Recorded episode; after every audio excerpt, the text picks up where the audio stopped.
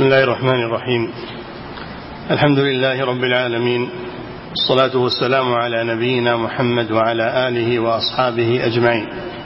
أما بعد قال الإمام الطحاوي رحمه الله. وحبيب قال الإمام أبو جعفر نعم. قال الإمام أبو جعفر الطحاوي رحمه الله. وحبيب رب العالمين. بسم الله الرحمن الرحيم. الحمد لله رب العالمين. صلى الله وسلم على رسوله نبينا محمد. على آله وصحبه. القرآن الكريم له أسماء. منها أنه حديث رب العالمين. حبيب يا شيخ. نعم. الكلام عن الرسول عليه الصلاة والسلام وحبيب رب العالمين. نعم ظننت إنه يعني القرآن ها؟ لا لا عن الرسول عليه والسلام حبيب رب العالمين نعم. هذا ما يكفي. هذا ما يكفي بل هو خليل رب العالمين. قال صلى الله عليه وسلم إن الله اتخذني اتخذني خليلا. كما اتخذ إبراهيم خليلا. فهو خليل رب العالمين. نعم. قال الشارح رحمه الله ثبت له صلى الله عليه وسلم أعلى مراتب المحبة وهي الخلة. إي نعم. كما صح عنه صلى الله عليه وسلم أنه قال إن الله اتخذني خليلا كما اتخذ إبراهيم خليلا. نعم اللهم صل وقال ولو كنت متخذا من أهل الأرض خليلا لاتخذت أبا بكر خليلا. ولكن صاحبكم خليل الرحمن. نعم. قال صلى الله عليه وسلم إن الله اتخذني خليلا كما اتخذ إبراهيم خليلا. قال الله جل وعلا واتخذ الله إبراهيم خليلا والخليل هو من بلغ أعلى درجات المحبة من بلغ أغلى در أعلى درجات المحبة. يقال له خليل فهو حاز على هذه الصفة صلى الله عليه وسلم كما حازها قبله أبوه إبراهيم عليه الصلاة والسلام. نعم. والحديثان في الصحيح وهما يبطلان قول من قال الخلة لإبراهيم والمحبة لمحمد. أي نعم الخلة للاثنين لإبراهيم ولمحمد صلى الله عليه وسلم. ولهذا يقال الخليلان إبراهيم ومحمد عليهم الصلاة والسلام. نعم. وهما يبطلان قول من قال الخلة لإبراهيم والمحبة لمحمد فإبراهيم خليل الله ومحمد حبيبه. وفي الصحيح أيضا إني أبرأ إلى كل خليل من خلته. نعم. قال صلى الله عليه وسلم إن الله اتخذني خليلا كما اتخذ إبراهيم خليلا. ولو كنت متخذا من أهل الأرض خليلا لاتخذت أبا بكر خليلا. وذلك يدل على مكانة أبي بكر الصديق رضي الله عنه. فهو يحبه حبا شديدا رضي الله عنه. ولم يمنعه أن يتخذه خليلا إلا أن الله اتخذه خليلا. والخلة لا تقبل الاشتراك. الخلة لا تقبل الاشتراك. فلذلك امتنع من اتخاذ أبي بكر خليلا لئلا يكون شريكا في الخلة مع إبراهيم عليه الصلاة والسلام. نعم. والمحبة قد ثبتت لغيره. قال تعالى والله يحب المحسنين. المحبة ليست خاصة بالرسول صلى الله عليه وسلم بل هي عامة. قال الله جل وعلا والله يحب المحسنين يحب المتقين. فهذا أعم المحبة أعم من الخلة. الخلة خاصة هي أعلى درجات المحبة. نعم.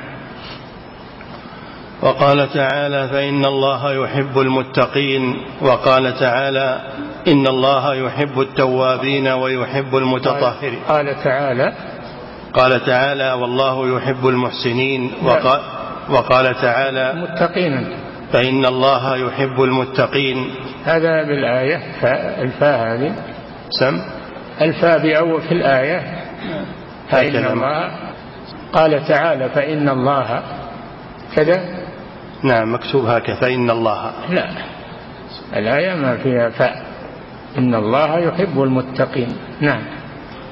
وقال تعالى إن الله يحب التوابين ويحب المتطهرين. نعم. فبطل قول من خص الخلة بإبراهيم والمحبة بمحمد بل الخلة خاصة بهما والمحبة عامة. اي نعم المحبة عامة. هي الله يحب المتقين ويحب التوابين ويحب المتطهرين ويحب المحسنين. المحبة أعم من الخلة الخلة خاصة. نعم. وحديث ابن عباس رضي الله عنهما الذي رواه الترمذي الذي فيه إن إبراهيم خليل الله ألا وأنا حبيب الله ولا فخر لم يثبت. نعم هذا الحديث لم يثبت بل هو خليل الله عليه الصلاة والسلام. نعم. والمحبة مراتب. أولها العلاقة وهي تعلق القلب بالمحبوب. المحبة مراتب أعلاها الخلة أعلاها الخلة. نعم. والكلام هذا مفصل في روضة المحبين لابن القيم. نعم. والمحبة مراتب أولها العلاقة وهي تعلق القلب بالمحبوب والثانية الإرادة وهي ميل القلب إلى محبوبه وطلبه له والثالثة الصبابة وهي انصباب القلب إليه بحيث لا يملكه بحيث لا يملكه صاحبه كانصباب الماء في الحدور. الرابعة الغرام وهي الحب اللازم للقلب ومنه الغريم لملازمته ومنه إن عذابها كان غراما. إن عذابها أي النار كان غراما يعني ملازما والعياذ بالله ملازما للمعذبين لا ينفك عنه نعم. الخامسة المودة والود وهي صفو المحبة وخالصها ولبها قال تعالى سيجعل لهم الرحمن ودا. نعم. السادسة الشغف وهي وصول المحبة إلى شغاف القلب. الشغف الشغف. نعم ما هو بالشغب؟ نعم. السادسة الشغف وهي وصول المحبة إلى شغاف القلب. شغاف. إلى شغاف القلب. السابعة العشق وهو الحب المفرط. الذي يخاف على صاحبه منه ولكنه لا يوصف به الرب تعالى ولا العبد في محبة ربه.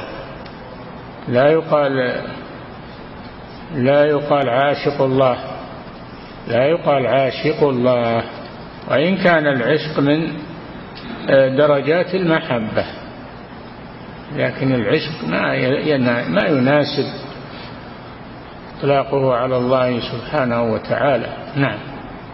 ولكنه لا يوصف به الرب تعالى ولا العبد في محبة ربه وإن كان قد أطلقه بعضهم واختلف في سبب المنع فقيل عدم التوقيف وقيل غير ذلك. ولعل ولعل امتناع إطلاقه أن العشق محبة مع شهوة. أي نعم. الثامنة التتيم وهو بمعنى التعبد. نعم. التاسعة التعبد العاشرة الخلة. وهي المحبة التي تخللت روح المحب وقلبه. وقيل في نعم. يقول تخللت مسلك الروح مني.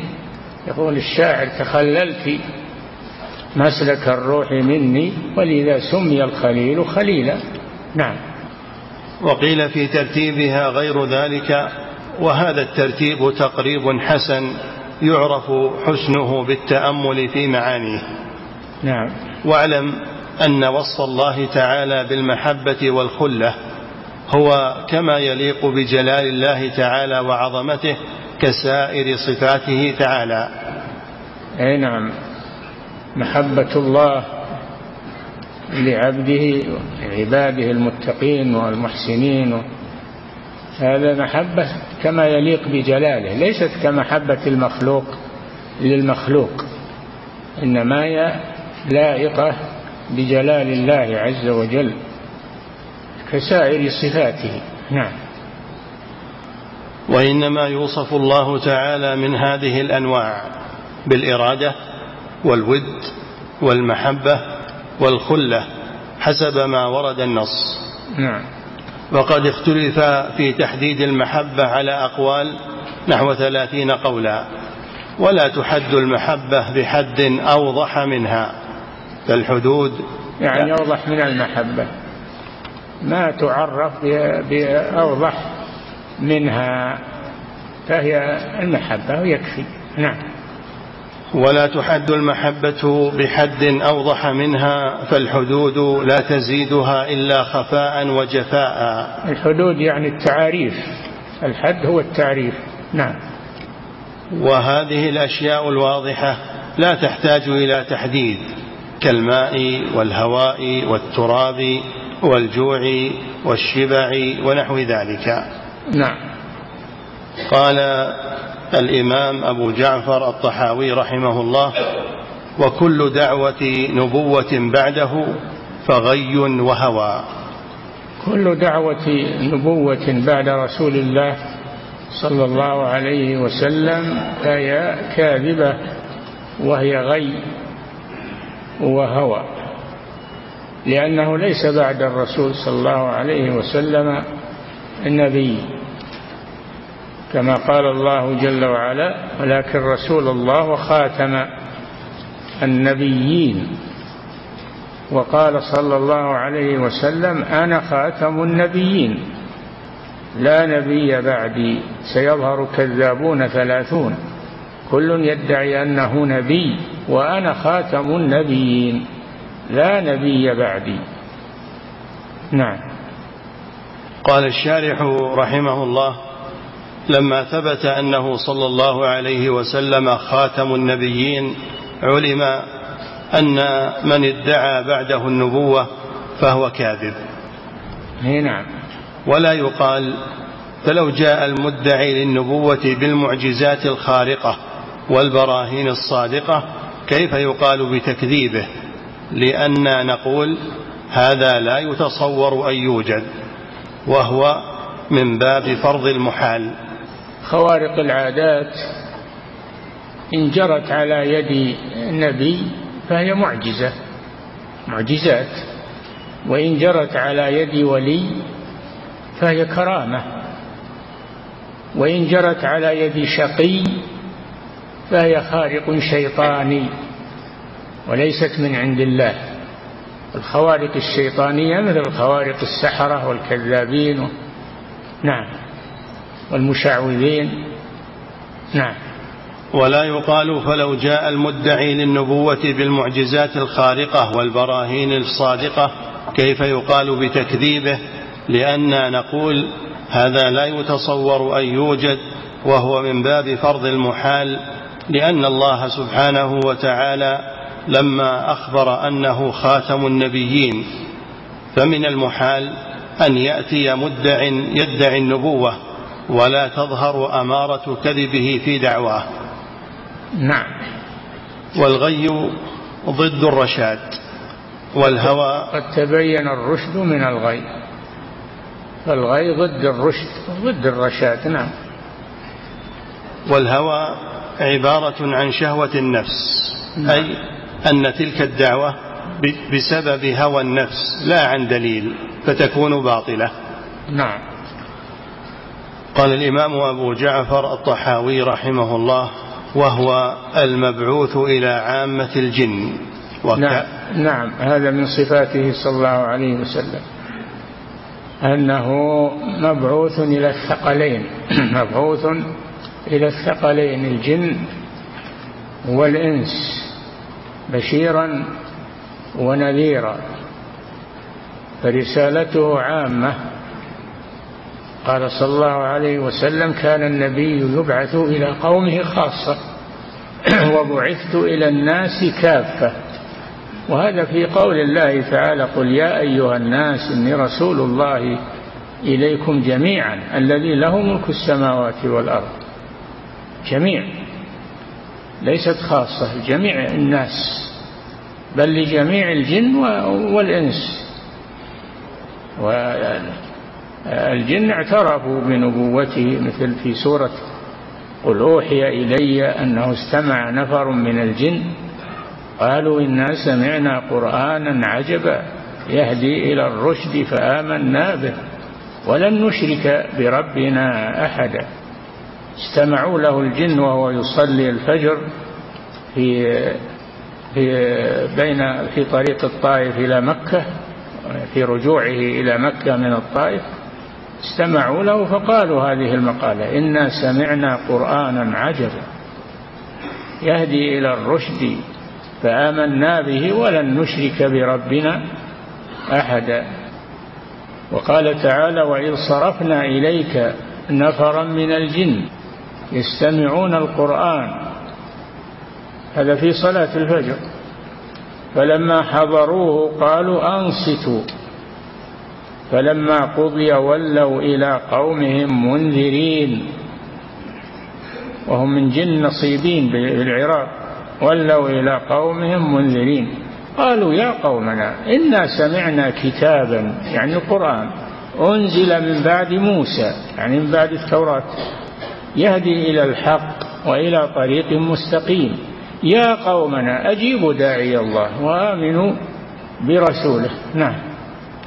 يا قومنا أجيبوا داعي الله وآمنوا به. نعم.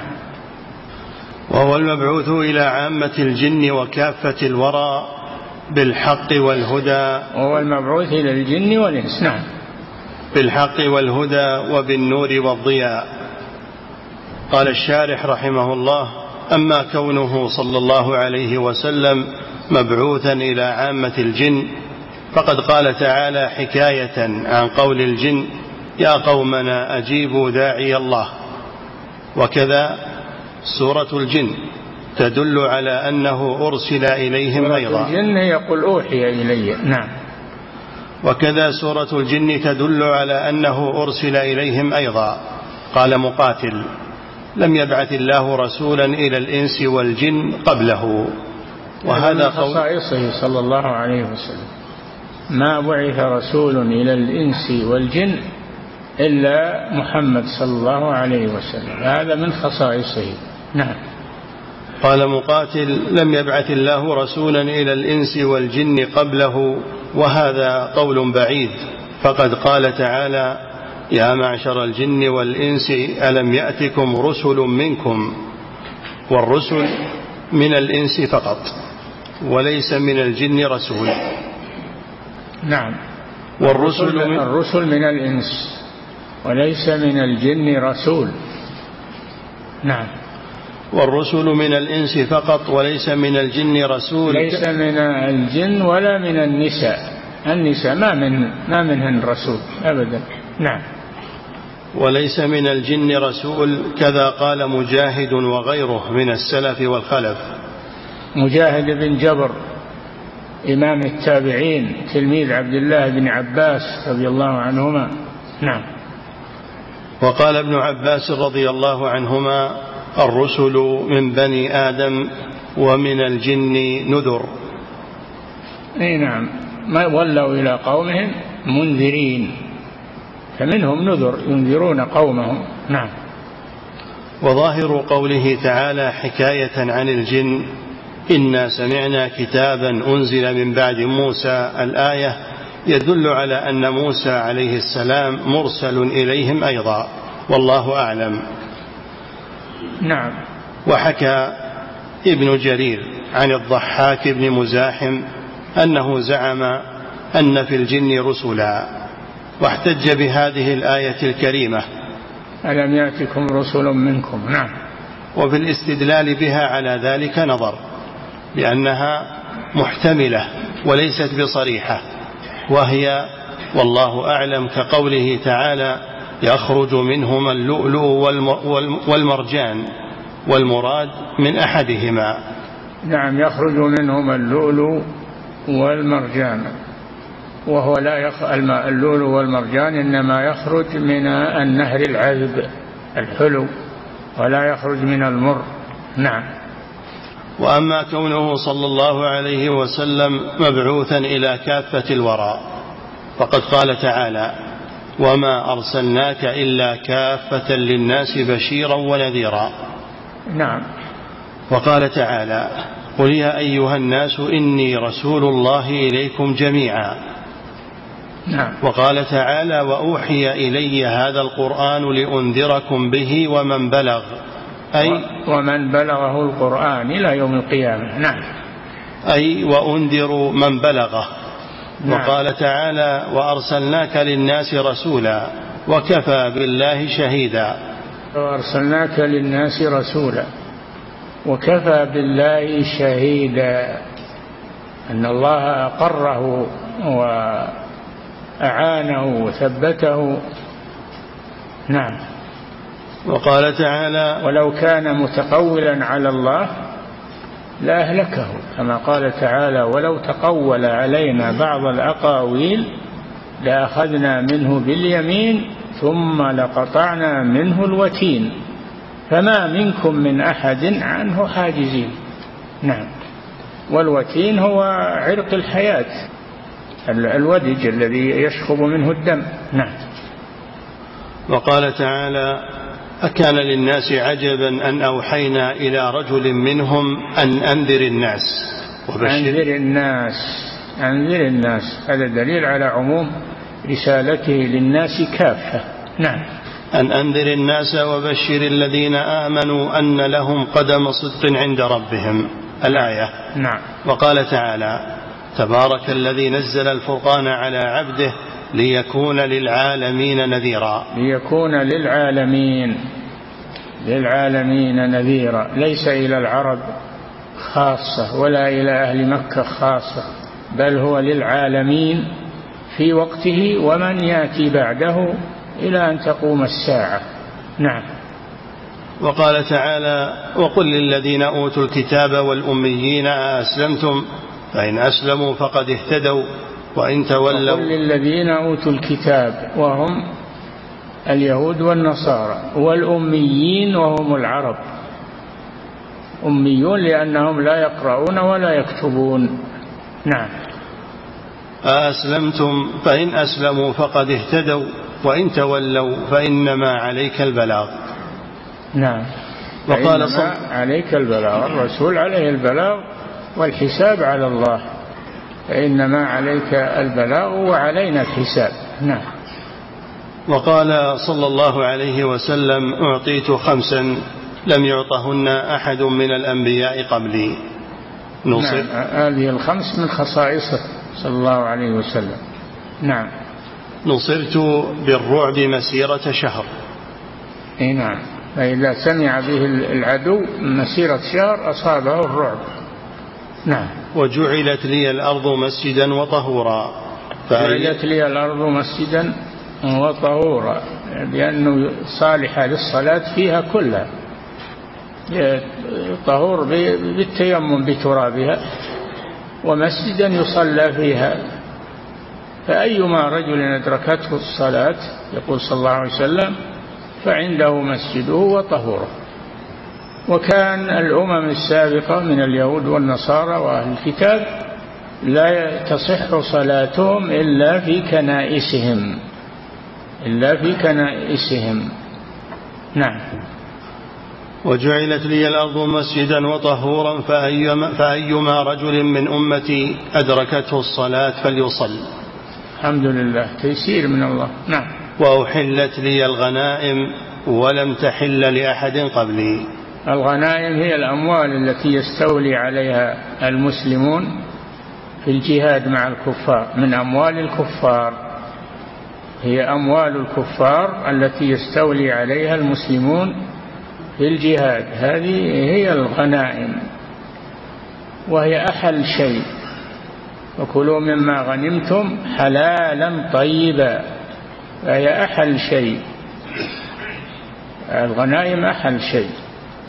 وكلوا مما غنمتم حلالا طيبا. وكانت الغنائم عند الأمم السابقة والأنبياء السابقين إذا أصابوها جمعوها فنزلت نار من السماء فأحرقتها. نعم. وأعطيت الشفاعة. الشفاعة العامة التي هي المقام المحمود. يشفع لجميع الخلق بأن يريحهم الله من الموقف إلى الحساب. يقفون خمسين ألف سنة على أقدامهم في زحمة وتدنو منهم الشمس ويلجمهم العرق. فالموقف شديد جدا. نعم فيشفع صلى الله عليه وسلم يشفع لهم بأن يريحهم الله من الموقف إلى الحساب. نعم. ويعتذر الأنبياء كلهم عن الشفاعة هذه. نعم. وكان النبي يبعث إلى قومه خاصة وبعثت إلى الناس عامة. إنا أرسلنا نوحا إلى قومه. أن أنذر قومك.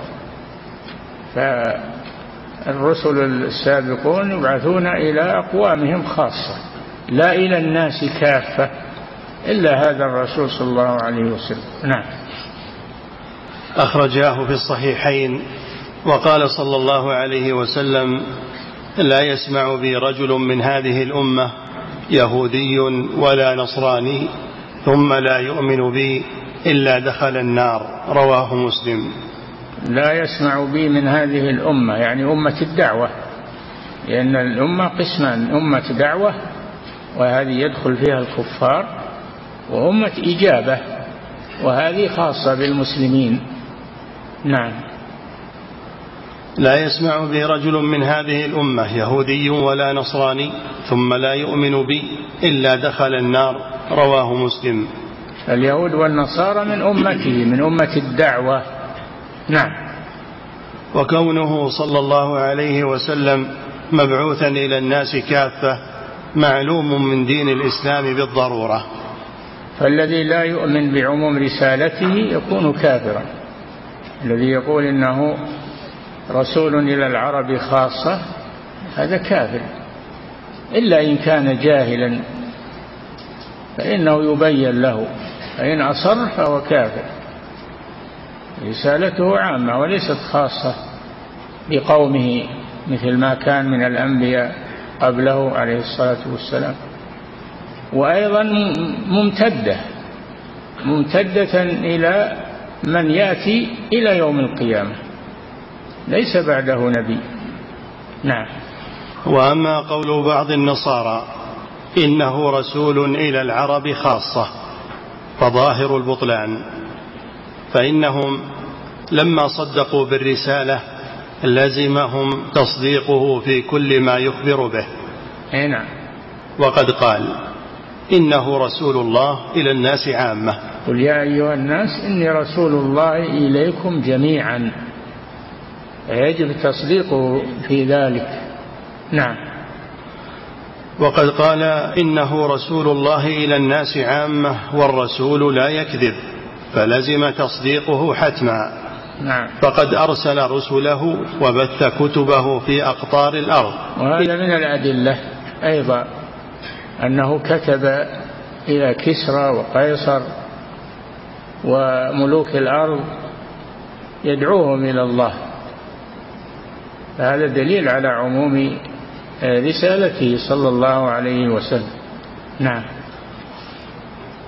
فقد أرسل رسله وبث كتبه في أقطار الأرض إلى كسرى وقيصر والنجاشي والمقوقس وسائر ملوك الأطراف يدعو كسرى هذا ملك الفرس قيصر هذا ملك ملك الروم نعم. والنجاشي نجاشي ملك الحبشة نعم. والمقوقس. المقوقس ملك مصر نعم. وسائر ملوك الأطراف يدعو إلى الإسلام. وقو وقوله وكافة الورى في جر كافة نظر فإنهم قالوا لم تستعمل كافة في كلام العرب إلا حالا. واختلفوا في إعرابها في قوله تعالى وما أرسلناك إلا كافة للناس على ثلاثة أقوال.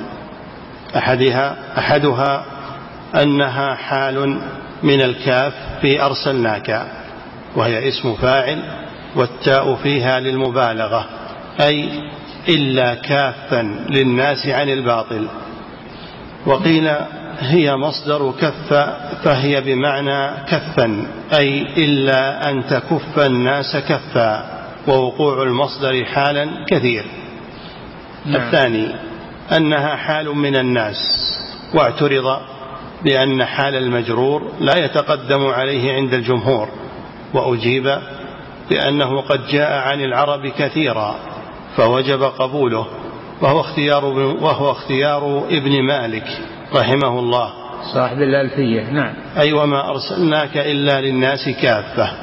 نعم. الثالث أنها صفة لمصدر محذوف أي إرسالة كافة واعترض بما تقدم أنها لم تستعمل إلا حالا. هذا بحث نحوي. نعم. وقوله بالحق والهدى وبالنور والضياء هذه أوصاف ما جاء به رسول الله صلى الله عليه وسلم من الدين والشرع. المؤيد بالبراهين الباهرة من القرآن وسائر الأدلة. والضياء أكمل من النور. قال سبحانه هو الذي جعل الشمس ضياء والقمر نورا. نعم الشمس ضياء سراج جعلنا سراجا وهاجا وضياء هذا وصف للشمس. وأما القمر فهو نور لأنه يكتسب ضوءه من الشمس. القمر يكتسب ضوءه من الشمس. ولذلك إذا حالت الأرض بين القمر والشمس ينكسف ينكسف القمر. وإذا حال القمر دون الشمس انكسفت الشمس. نعم. قال الإمام أبو جعفر الطحاوي رحمه الله وإن القرآن كلام الله. منه بدأ بلا كيفية قولا وأنزله على رسوله وحيا. وصدقه المؤمنون على ذلك حقا وأيقنوا أنه كلام الله تعالى بالحقيقة ليس بمخلوق ككلام البرية فمن سمعه فزعم أنه كلام البشر فقد كفر وقد ذمه الله وعابه وأوعده بسقر حيث قال تعالى سأصليه سقر فلما أوعد الله بسقر لمن قال إن هذا إلا قول البشر علمنا وأيقنا أنه قول خالق البشر ولا يشبهه قول البشر. نعم هو كلام الله منزل غير مخلوق. منه بدا وإليه يعود. نعم يعني في آخر الزمان يرفع القرآن إلى الله سبحانه وتعالى.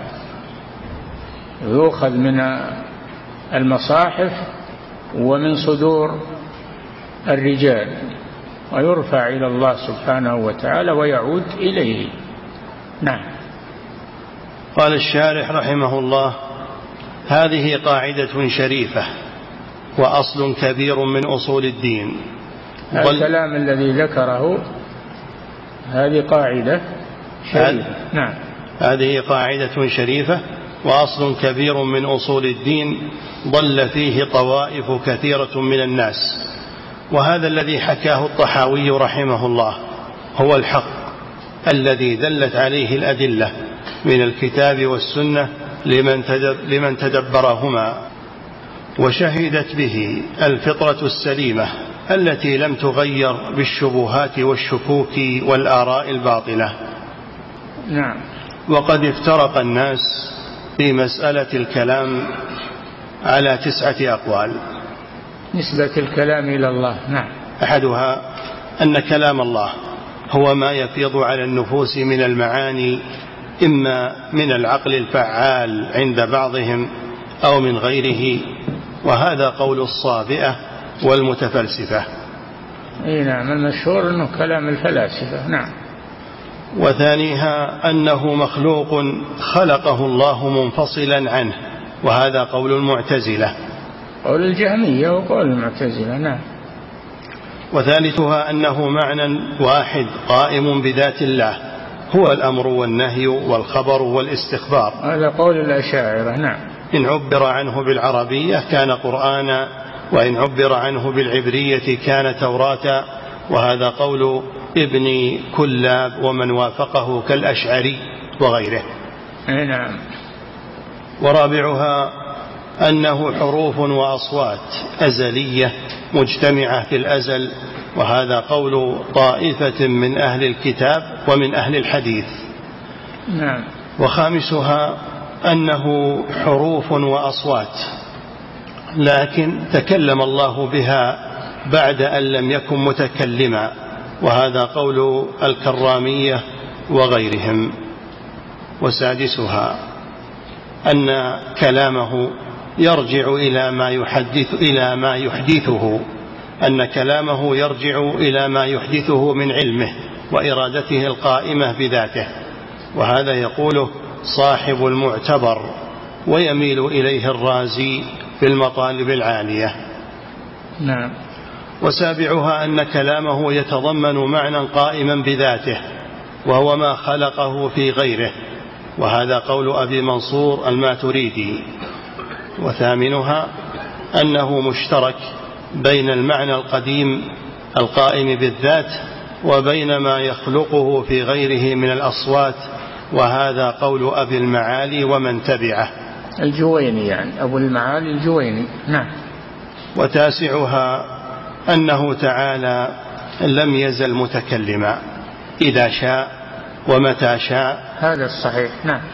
أنه تعالى لم يزل متكلما إذا شاء ومتى شاء وكيف شاء. نعم. وهو يتكلم به بصوت يسمع. وأن نوع الكلام قديم وإن لم يكن الصوت المعين قديما. إلى و... هنا ما صحيح هذا نعم. وهذا هو المأثور عن أئمة الحديث والسنة. قول الشيخ رحمه يعني الله. الأخير الصفات الأخيرة ما هي؟ نعم. وقول الشيخ رحمه الله وإن القرآن كلام الله. إن بكسر الهمزة عطف على قوله إن الله واحد لا شريك له ثم قال وإن محمدا عبده المصطفى وكسر همزة إن في هذه المواضع الثلاثة لأنها معمول القول أعني قوله في أول كلامه نقول في توحيد الله. أكسر في الابتداء وفي بدء, وفي بدء صلة وحيث إن ليمين مكملة. هذا في الألفية نعم. وقوله كلام الله منه بدأ. بالقول أو حلت محل حال كزرته وإني ذو أمل. نعم. وقوله كلام الله منه بدأ بلا كيفية قولا نعم. رد على المعتزلة وغيرهم. فإن المعتزلة تزعم أن القرآن لم يبدو منه كما تقدم حكاية قولهم. قالوا المعتزلة أتباع واصل بن عطاء واصل بن عطاء الغزال وكان من تلاميذ الحسن البصري. فلما سئل الحسن البصري عن مرتكب الكبيرة قال إنه مسلم مؤمن ومعرض للوعيد فاعتزله تلميذه واصل بن عطاء وقال إني أقول إنه ليس بمؤمن ولا كافر بل هو في المنزلة بين المنزلتين هذا عند المعتزلة نعم ولذلك سموا بالمعتزلة لأن إمامهم واصل اعتزل الحسن البصري إمام أهل السنة والجماعة في وقته. نعم. فإن المعتزلة تزعم أن القرآن لم يبد منه كما تقدم حكاية قولهم قالوا وإضافته إليه إضافة تشريف كبيت الله وناقة الله يحرفون الكلم عن مواضعه وقولهم باطل. نعم. فإن وقولهم باطل فإن المضاف إلى الله. معان وأعيان. فإضافة نعم. معان وأعيان. فالكلام هذا من المعاني. والأعيان مثل بيت الله وناقة الله هذه أعيان. إضافتها إضافة تشريف وتكريم. نعم. فإن المضاف إلى الله تعالى معان وأعيان فإضافة الأعيان إلى الله للتشريف وهي مخلوقة له كبيت الله وناقة الله. نعم. بخلاف إضافة المعاني كعلم الله وقدرته وعزته هذه صفات لله. نعم. بخلاف إضافة المعاني كعلم الله وقدرته وعزته وجلاله وكبريائه وكلامه وحياته وعلوه وقهره فإن هذا كله من صفاته. نعم. لا يمكن أن يكون شيء من ذلك مخلوقا. نعم. والوصف بالتكلم والوصف بالتكلم من أوصاف الكمال. وضده الذي يتكلم هذا أكمل من الذي لا يتكلم. ووصف الله بأنه يتكلم هذا من الكمال. ولهذا قال الله جل وعلا في الذين عبدوا العجل ألم يروا أنه لا يكلمهم؟ ألم يروا أنه لا يكلمهم؟ الرب يكلم سبحانه وتعالى ويتكلم. ألم يروا أنه لا يكلمهم ولا يهديهم سبيلا؟ نعم. والوصف بالتكلم من أوصاف الكمال وضده من أوصاف النقص. قال تعالى واتخذ قوم موسى من بعده من حليهم عجلا جسدا له خوار. ألم يروا أنه لا يكلمهم ولا يهديهم سبيلا؟ نعم هو قصة العجل هذا أن بنو إسرائيل خرجوا من مصر جلوا من مصر مع موسى هربا من فرعون. وقومه. وكان عند النساء عند النساء حلي استعار استعار استعرنه. كان عند النساء حلي استعرنه من الأقباط قوم فرعون. وهم خرجوا هربوا من مصر. ومعهم هذا الحلي وهو ليس لهم مستعيرينه من الأقباط. فجاء السامري وأخذ هذا الحلي وصاغه على صورة عجل مجسم. يدخل يدخل الهواء من من جانب ويخرج من الجانب الآخر فيكون له خوار خوار من الهواء فظنوا أن هذا أنه يعني ما هو أن هذا ما هو من الهواء هذا يتكلم. العجل هذا يتكلم. فعبدوه من دون الله والعياذ بالله. ألم يروا أنه لا يكلمهم ولا يهديهم سبيلا؟ اتخذوه وكانوا ظالمين. نعم. فكان عباد العجل مع كفرهم أعرف بالله من المعتزلة فإنهم لم يقولوا لموسى وربك لا يتكلم أيضا. إيه لأن, لأن ما قالوا لموسى وربك لا يتكلم. لما قال لهم موسى عليه السلام إن ربه يكلمه. موسى كليم الله يكلمه الله. ما هو يوحي إليه وحي بواسطة جبريل؟ لا يكلمه. إذا أراد منه شيئا كلمه. يا موسى افعل كذا. وموسى يكلم الله عز وجل. كلم الله. والله يستمع لكلام موسى ويجيبه. نعم. وقال تعالى عن العجل أيضا. أفلا يرون ألا يرجع إليهم قولا ولا يملك لهم ضرا ولا نفعا؟ لا يرجع إليهم قولا يعني لا يجيبهم إذا سألوه. وفي الآية الأخرى ألم يروا أنه لا يكلمهم؟ نعم. أفلا يرون أن لا يرجع إليهم قولا ولا يملك لهم ضرا ولا نفعا؟ فعلم أن نفي رجع القول ونفي التكليم نقص يستدل به على عدم ألوهية العجل. أي نعم. وهذا في رد على الجهمية والمعتزلة الذين ينفون الكلام عن الله ويقولون كلام الله مخلوق. تعالى الله عن ذلك. عندهم إن الله لا يتكلم وإنما كلامه يعني أنه خلقه.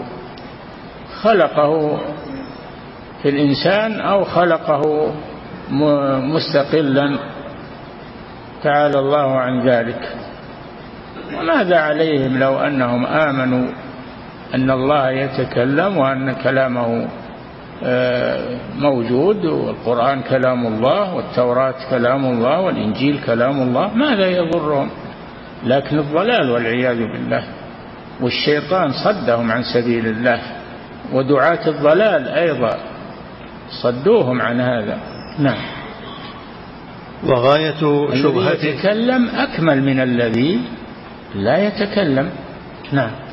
وغاية شبهتهم أنهم يقولون يلزم منه التشبيه والتجسيم فيقال لهم إذا قلنا إنه تعالى يتكلم كما يليق بجلاله انتفت شبهتهم.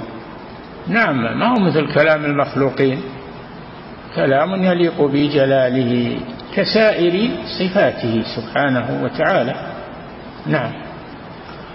إذا قلنا إنه تعالى يتكلم كما يليق بجلاله انتفت شبهتهم ألا ترى أنه تعالى قال اليوم نختم على أفواههم وتكلمنا أيديهم وتشهد أرجلهم فنحن نؤمن أنها القيامة. يوم القيامة الكافر يختم على فيه فلا يستطيع الكلام.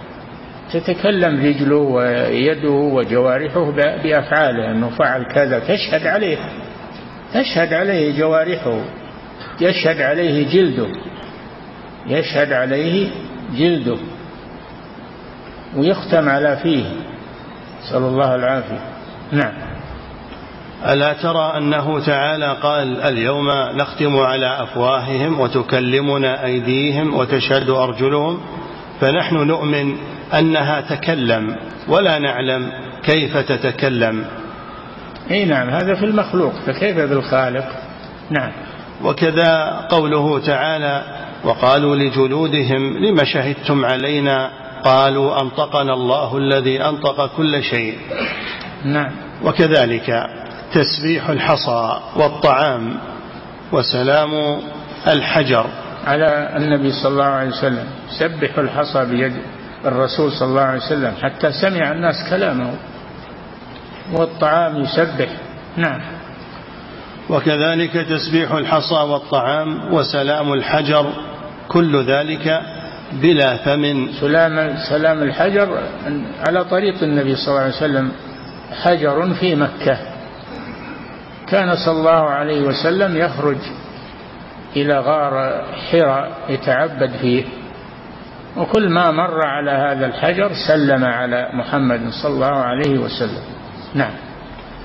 وكذلك تسبيح الحصى والطعام وسلام الحجر كل ذلك بلا فم يخرج منه الصوت الصاعد من الرئة المعتمد على مقاطع الحروف. نعم. وإلى الله هذا الله على كل شيء الله على كل شيء قدير. ينطق الحجر. ينطق كل شيء. نعم. وإلى هذا أشار الشيخ رحمه الله بقوله منه بدأ بلا كيفية قولا أي ظهر منه ولا يدرى كيفية تكلمه به. تكلم الله به. نعم. وأكد هذا المعنى بقوله قولا أتى بالمصدر المعرف للحقيقة كما أكد الله تعالى التكليم بالمصدر المثبت للحقيقة النافي للمجاز في قوله وكلم الله موسى تكليما. الله جل وعلا يقول سلام قولا من رب رحيم. سلام قولا من رب رحيم. من كلام الله سبحانه وتعالى. هذا السلام الله تكلم به. نعم. أكد الله تعالى التكليم بالمصدر المثبت للحقيقة النافي للمجاز في قوله وكلم الله موسى تكليما فماذا بعد الحق إلا الضلال؟ نعم. ولقد قال بعضهم لأبي عمرو بن العلاء أحد القراء السبعة أريد أن تقرأ وكلم الله موسى بنصب اسم الله. كلم الله يبيه يقرأ وكلم الله موسى. يصير موسى هو المكلم والله هو المكلم. قال هبني قرأته قرأتها كذا. ماذا تقول في قوله فلما جاء موسى لميقاتنا؟ وكلمه ربه. انبهت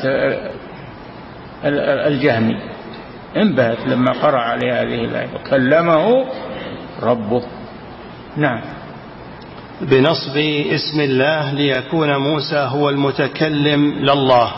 فقال له أبو عمرو بن العلاء هب أني قرأت هذه الآية كذا فكيف تصنع بقوله تعالى ولما جاء موسى لميقاتنا وكلمه ربه فبهت المعتزلي نعم. وكم في الكتاب والسنة من دليل على تكليم الله تعالى لأهل الجنة وغيرهم. قال تعالى سلام قولا من رب رحيم. نعم.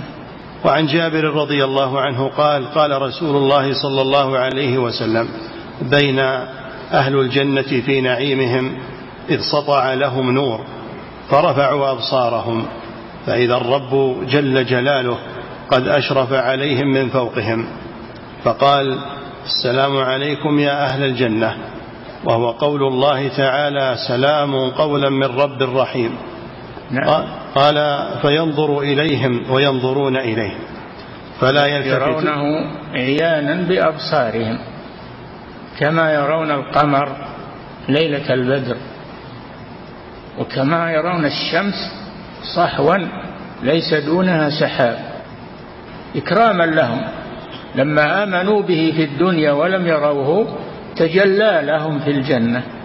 فرأوه عيانا إكراما لهم. فلا يجدون نعيما ألذ من رؤية الله جل وعلا.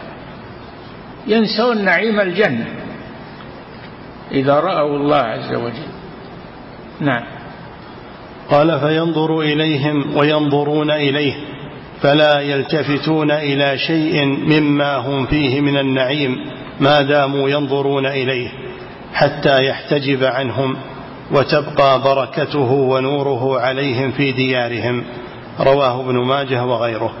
نعم. ففي هذا الحديث إثبات صفة الكلام وإثبات الرؤية وإثبات العلو وكيف يصح مع هذا أن يكون كلام الرب كله معنى واحدا. وقال تعالى إن الذين يشترون معنى واحدا كما تقوله الأشاعرة. إن عبر عنه بالإنجيل إن عبر عنه بالسريانية صار إنجيلا. وإن عبر عنه صار بلغة أخرى صار توراة وهكذا. وإن عبر عنه بكذا صار قرآنا كذا يقولون. نعم. وقال تعالى إن الذين يشترون بعهد الله وأيمانهم ثمنا قليلا أولئك لا خلاق لهم في الآخرة. لا خلاق لهم في الآخرة يعني الجنة. لا خلاق لهم في الآخرة يعني لا نصيب لهم في الجنة والعياذ بالله. الخلاق هو النصيب. نعم. ولا يكلمهم الله ولا ينظر إليهم نعم. فأهانهم بترك تكليمهم. والمراد أنه لا يكلمهم تكليم تكريم هو الصحيح. إذ قد أخبر في الآية الأخرى أنه يقول لهم في النار اخسأوا فيها ولا تكلمون. كلام تعذيب وتهديد نعم. فلو كان لا يكلم عباده المؤمنين لكانوا في ذلك هم وأعداؤه سواء. ولم يكن في تخصيص أعدائه بأنه لا يكلمهم فائدة أصلا. وقال نعم. البخاري في صحيحه باب كلام الرب تبارك وتعالى مع أهل الجنة وساق فيه عدة أحاديث. فأفضل نعيم أهل الجنة رؤية وجهه تبارك وتعالى وتكليمه لهم. فإنكار ذلك إنكار لروح الجنة. وأعلى نعيمها وأفضله الذي ما طابت لأهلها إلا به. وأما استدلالهم بقوله تعالى الله خالق كل شيء والقرآن شيء. فيكون الله الله بأسمائه وصفاته خالق كل شيء. بأسمائه وصفاته ومن صفاته الكلام. نعم. وأما استدلالهم بقوله تعالى الله خالق كل شيء والقرآن شيء فيكون داخلا في عموم كل فيكون مخلوقا فمن أعجب العجب. وذلك أن أفعال العباد كلها عندهم غير مخلوقة لله تعالى وإنما نعم لأنهم يقولون العبد يخلق فعل نفسه ينكرون القدر والعياذ بالله ويقولون ما قدر إن الإنسان يخلق فعل نفسه. فأثبتوا خالقين مع الله. فلذلك سموا مجوس هذه الأمة لأنهم أثبتوا خالقين مع الله عز وجل. نعم. وذلك أن أفعال العباد كلها عندهم غير مخلوقة لله تعالى وإنما يخلقها العباد جميعها جميعها لا يخلقها الله فأخرجوها من عموم كل وأدخلوا كلام الله في عمومها. مع أنه صفة من صفاته. به تكون الأشياء المخلوقة إذ بأمره تكون المخلوقات. وكيف وكيف يأمر وينهى وينادي ويكلم وهو لا يتكلم؟ تعالى الله عما يقولون. نعم. إذ بأمره تكون المخلوقات قال تعالى والشمس والقمر والنجوم مسخرات بأمره ألا له بأمره بأمره بأمره معناه أنه يأمرها وتسير وتطلع وتخرج وتبدو وتغيب بأمره سبحانه وتعالى. يأمرها بذلك. نعم. ألا له الخلق والأمر. ففرق ألا له الخلق والأمر. فرق بين الخلق وبين الأمر. هذه أعظم آية تقطع ظهورهم. ألا له الخلق والأمر. فرق بين الخلق والأمر. نعم. ألا له الخلق والأمر. ففرق بين الخلق والأمر. فلو كان الأمر مخلوقا للزم أن يكون مخلوقا بأمر آخر والآخر بآخر إلى ما لا نهاية له فيلزم التسلسل وهو باطل. وطرد باطلهم أن تكون جميع صفاته مخلوقة كالعلم والقدرة وغيرهما وذلك صريح الكفر. فإن علمه شيء وقدرته شيء وحياته شيء فيدخل ذلك في عموم كل فيكون مخلوقا بعد أن لم يكن. تعالى الله عما يقولون علوا كبيرا. نعم. وكيف يصح أن يكون متكلما بكلام يقوم بغيره؟ ولو صح ذلك للزم أن يكون ما أحدثه من الكلام في الجمادات كلامه. للزم أن يكون ما أحدثه من الكلام في الجمادات كلامه. وكذلك أيضا ما خلقه في الحيوانات. ولا يفرق هذا يقولون كل كلام في الوجود كلامه حتى نباح الكلاب عندهم كلام الله. كل كلام في الوجود كلامه. يقولون كذا. لأن الله خالق هذا الكلام وكل كلام في الوجود كلامه أي خلقه. نعم. ولا يفرق حين وكذلك أيضا ما خلقه في الحيوانات ولا يفرق حينئذ بين نطق بين نطق وأنطق وإنما قالت الجلود أنطقنا الله ولم تقل نطق الله. بل يلزم ولم تقل نطقنا بل قالت أنطقنا الله. نعم. بل يلزم أن يكون متكلما بكل كلام خلقه في غيره زورا كان أو كذبا أو كفرا أو هديانا. تعالى الله عن ذلك. نعم. وقد طرد ذلك يقولون, وما الكلب والخنزير إلا إلهنا تعالى الله عما يقولون. نعم. وقد طرد ذلك الاتحادية فقال ابن عربي وكل كلام في الوجود كلامه سواء علينا نثره ونظامه. ابن عربي الطائي الملحد خبيث صاحب وحدة الوجود أكفر أهل الأرض ابن عربي. نعم.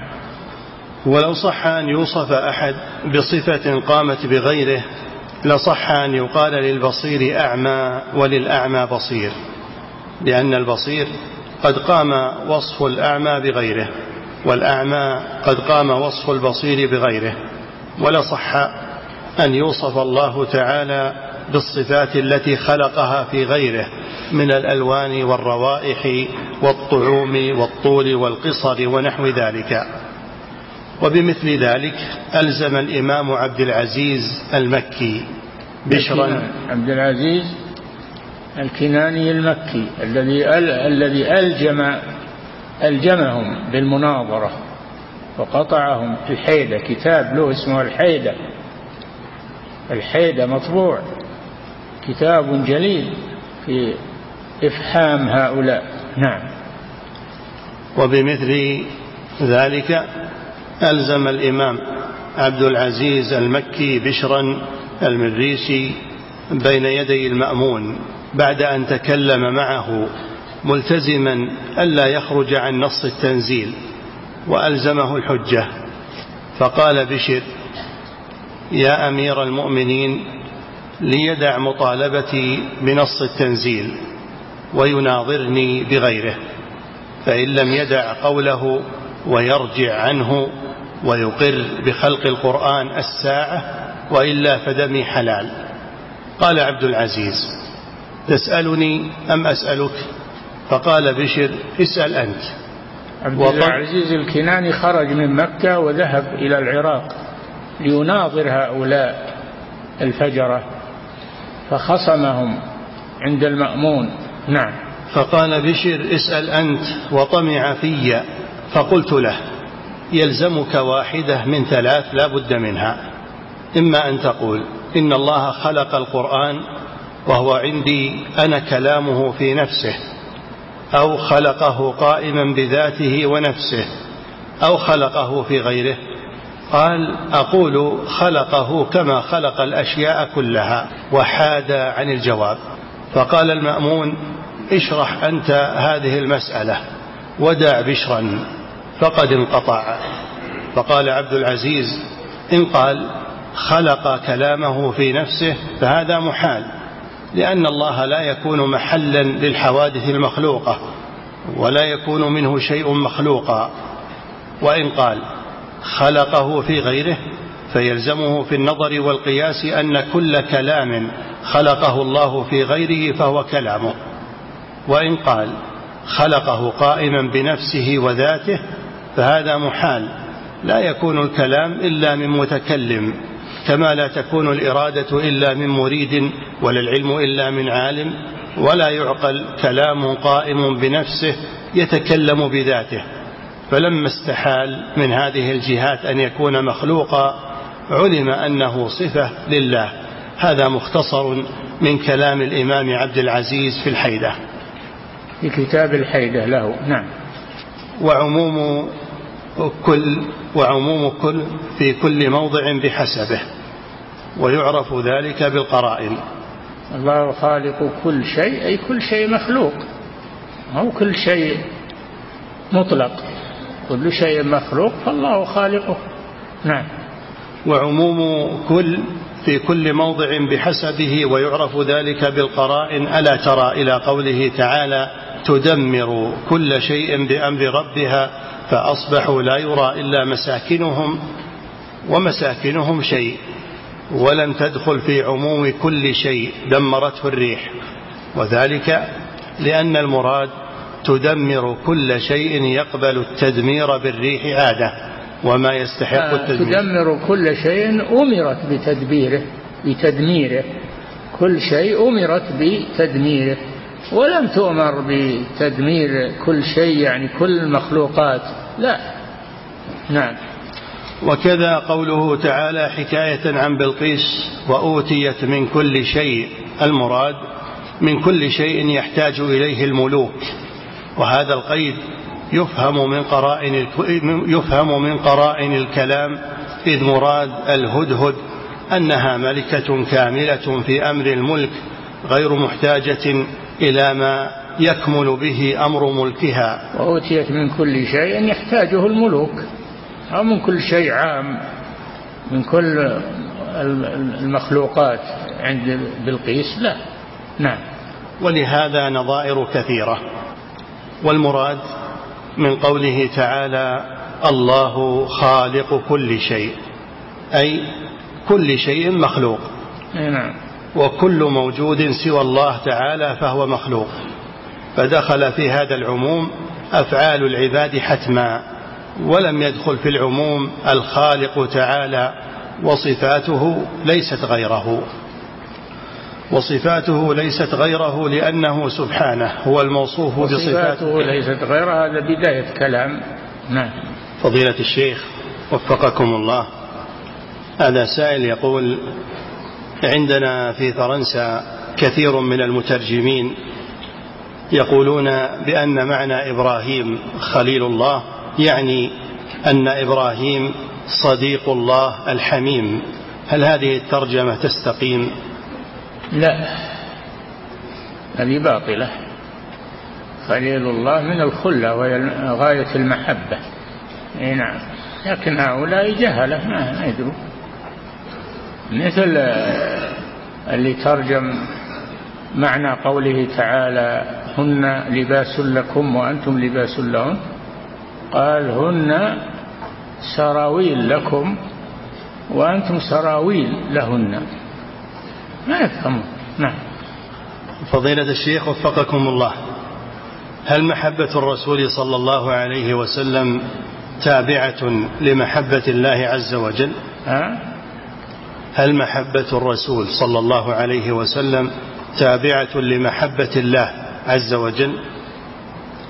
ما في شك أنها تابعة لمحبة الله لمن أرسله. نعم. فضيلة الشيخ وفقكم الله هذا سائل يقول هل يكون للإنسان أكثر من خليل أم أن له خليل واحد؟ ما تقبل الخلة الاشتراك؟ ما له إلا خليل واحد. ولذلك الله يحب المتقين ويحب المحسنين و... لكن ليس هذا خلة هذه محبة. الخلة خاصة. اتخذ الله إبراهيم خليلا ولم يشاركه في ذلك إلا نبينا محمد صلى الله عليه وسلم. نعم. فضيلة الشيخ وفقكم الله هذا السائل يقول هل يصح أن أقول إن رسول الله صلى الله عليه وسلم هو خليلي. أبو هريرة يقول أوصاني خليلي رسول الله صلى الله عليه وسلم. أنت ما في مانع لكن الرسول لا ما يعدد الأخلة. نعم. فضيلة الشيخ وفقكم الله وكذلك يسأل حفظكم الله فيقول هل يمكن للإنسان أن يقول بأن الله عز وجل خليلي؟ وش يدريك أنه خليل عندك دليل على أنه خليل؟ اتخذ الله إبراهيم خليلا ولم يشاركه إلا نبينا محمد صلى الله عليه وسلم. الخليلان فقط. نعم. فضيلة الشيخ وفقكم الله هذا السائل يقول كثيرا ما نسمع ونقرأ في بعض الكتب ومنها هذا الكتاب قولهم قال الله تعالى حكاية عن كذا. هل يوصف القرآن بأنه حكاية أو منه ما هو حكاية؟ ما هو كل القرآن حكاية هذا الشيء خاص فقط. نعم. فضيلة الشيخ وفقكم الله هذه امرأة تسأل فتقول هناك امرأة تدعي وتقول رأيت في المنام أنني صرت رسولة وأمرت بالدعوة إلى الله. يقول ما النصيحة والتوجيه في هذا الأمر؟ هذا من الشيطان هذه الرؤيا من الشيطان. فلا تصدقها ولا ولا تتكلم بها. نعم. فضيلة الشيخ وفقكم الله. لأن الرؤيا على ثلاثة أقسام. الرؤيا التي هي أضغاث أحلام. هذه لا قيمة لها. الرؤيا التي يأتي بها الملك ملك الرؤيا هذه حق. الرؤيا التي يأتي بها الشيطان. هذه باطلة. نعم. ولذلك إذا أردت أن تنام تقرأ آية الكرسي. ألا يقربك شيطان؟ حتى تصبح. لا يزال عليك من الله حافظ ولا يقربك شيطان حتى تصبح. نعم. فضيلة الشيخ وفقكم الله هذا السائل يقول ذكرت الصابئة في القرآن الكريم. يقول هل هذا هل هو دين أم ما هو؟ أي نعم أي نعم. الصابئة على قسمين صابئة كفار وصابئة مسلمون. نعم. فضيلة الذين آمنوا والذين هادوا والصابي والصابي والصابي والصابئين والنصارى هؤلاء أصحاب ملة وأصحاب دين. نعم. فضيلة الشيخ وفقكم الله. هذا سائل يقول والشيخ تقي الدين يقول صابئة قال قسمين صابئة حنفاء يعني مسلمون وصابئة كفار. نعم. فضيلة الشيخ وفقكم الله هذا السائل يقول هل تصح الصلاة في المقبرة؟ وإذا كان ذلك ممنوعا فهل العلة هي النجاسة نجاسة القبور؟ لا هذا قول باطل. العلة سد الذريعة. لعبادة القبور. سد الذريعة لئلا تعبد القبور. نعم. فضيلة الشيخ وفقكم الله هذا سائل يقول من خارج هذه البلاد يقول انتشر عندنا الجهل فأغلبية الناس في بلدنا ينتسبون إلى الإسلام لكنهم لا يصلون. إذا ذبحوا ذبيحة هل يجوز لنا أن نأكل من لحم ذبيحتهم وهم لا يصلون؟ لا. اللي ما يصلون كفار. الصلاة عمود الإسلام وهي الركن الثاني من أركان الإسلام بعد الشهادتين. نعم. فضيلة الشيخ وفقكم الله هذا سائل يقول هل هناك إشكال في هذا القول وهو أن أول واجب على العباد هو معرفة الله بالتوحيد. أول واجب. على العباد هو معرفة الله بالتوحيد. أي نعم أول واجب هو ما هو هو توحيد الله ما هو معرفة الله؟ أول واجب توحيد الله. ما خلقت الجن والإنس إلا ليعبدون. نعم. فضيلة الشيخ وفقكم الله هذا سائل يقول رجلان في المسجد يقرأ كل واحد منهما القرآن في المصحف ثم التفتا إلى بعضهما وجلسا يتحدثان سويا والمصاحف مفتوحة فأنكر عليهم رجل وقال فتحكما للمصحف حال الحديث حرام ولا يجوز فأغلقاها ثم تكلما يقول هل حكمه بالتحريم؟ هذا صحيح؟ فيه نظر. ما تعمدوا هذا هم يقرؤون وعرض لهم عارض. انشغلوا وبقيت المصاحف مفتوحة. ما قصدوا هذا. نعم. فضيلة الشيخ وفقكم الله هذا سائل يقول بالنسبة للعام إذا كان هناك أقوال فقهية في المسألة فبما يأخذ من هذه الأقوال؟ يأخذ بقوله تعالى فاسألوا أهل الذكر إن كنتم لا تعلمون. لا يأخذ بالأقوال يسأل أهل الذكر. إذا كان ما يعرف الصحيح بدليله يسأل العلماء. نعم. انتهى وفقك الله. الله تعالى أعلم وصلى الله وسلم على نبينا محمد.